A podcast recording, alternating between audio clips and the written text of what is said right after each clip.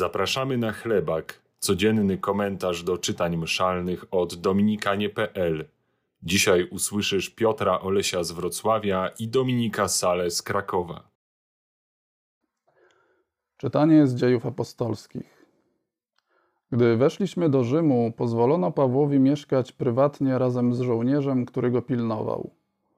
Po trzech dniach poprosił on do siebie najznakomitszych Żydów.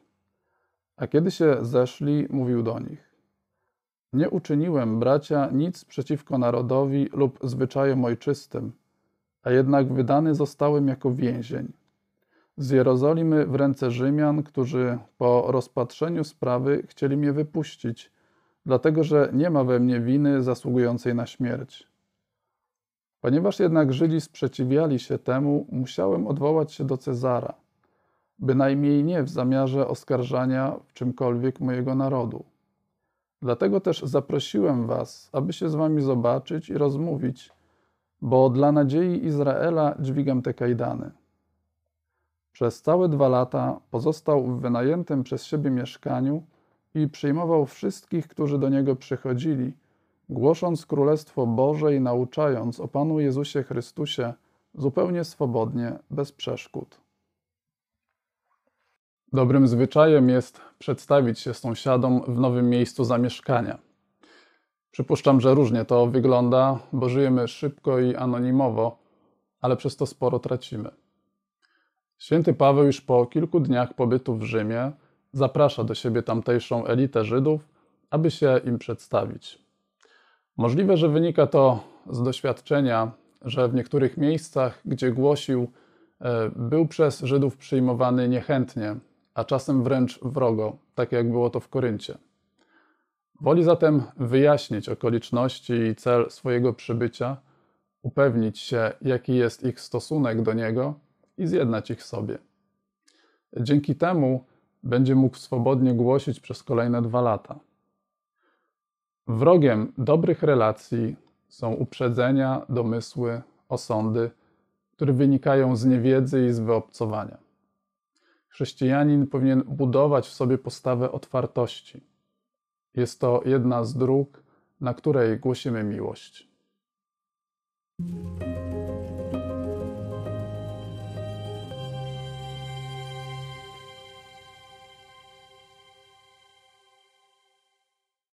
Z Ewangelii Świętego Jana.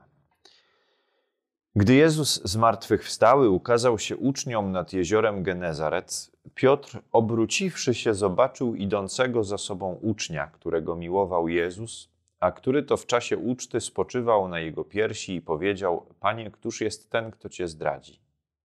Gdy więc go Piotr ujrzał, rzekł do Jezusa: Panie, a co z tym będzie? Odpowiedział mu Jezus: Jeżeli chcę, aby pozostał, aż przyjdę, to cóż tobie do tego? Ty pójdź za mną.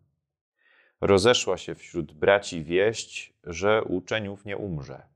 Ale Jezus nie powiedział mu, że nie umrze, lecz jeśli ja chcę, aby pozostał, aż przyjdę, to cóż tobie do tego?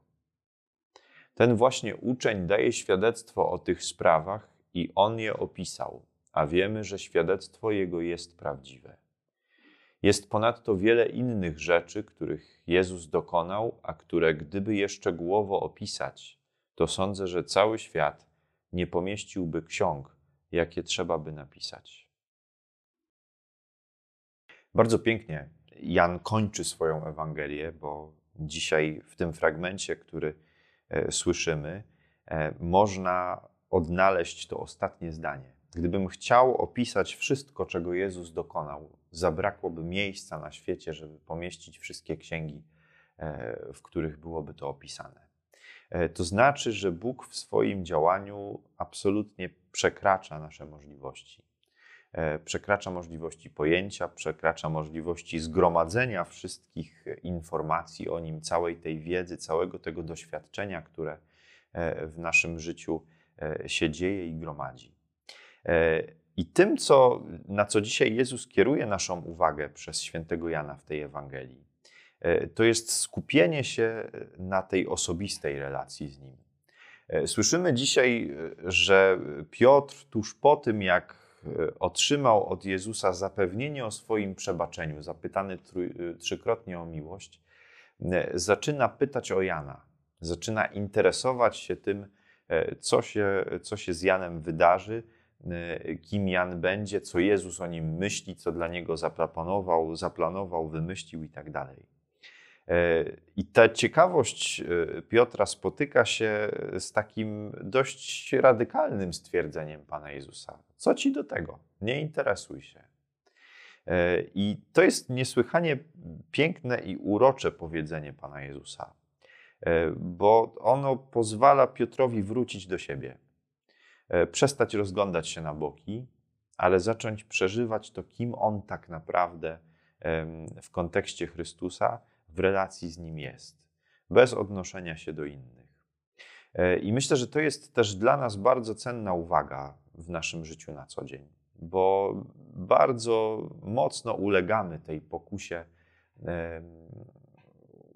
porównywania się z innymi, e, pytania o to, e, jak powinno wyglądać moje życie, w zapatrywaniu się w to, jak przeżywają swoją relację z Bogiem inni.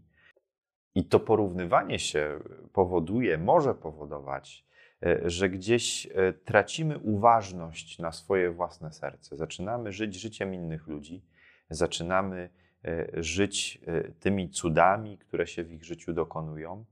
Zaczynamy coraz bardziej przeżywać to, że w naszym życiu czegoś brakuje. Ale to nie od razu oznacza, że dobrze potrafimy to porównywanie się przeżyć bo w sytuacji, w której bardziej żyjesz czyimś życiem, nie rozwijasz swojego własnego. Nie jesteś przy sobie, nie jesteś przy swoim sercu, e, nie rozpoznajesz tego, w jaki sposób Bóg objawia się w Tobie i tylko w Tobie. Nie rozpoznajesz tych wszystkich talentów, możliwości i cudowności, e, których, e, których Bóg w Twoim życiu i tylko w Twoim dokonuje. Dzisiejsza Ewangelia zachęca nas do tego, żebyśmy wrócili do swojego własnego serca, e, żebyśmy przestali rozglądać się wokoło, e, ale zapytali siebie o to e, nie tylko, czy siebie znamy, ale czy potrafimy rozpoznać to, w jaki sposób Bóg w naszym życiu się objawia. Czy potrafię rozpoznać wszystkie moje talenty, wszystkie zdolności, wszystko to, co jest moim tu i teraz z Bogiem i dla Boga. To jest zadanie na dzisiaj, e, żeby wrócić do siebie, wrócić do swojego własnego serca.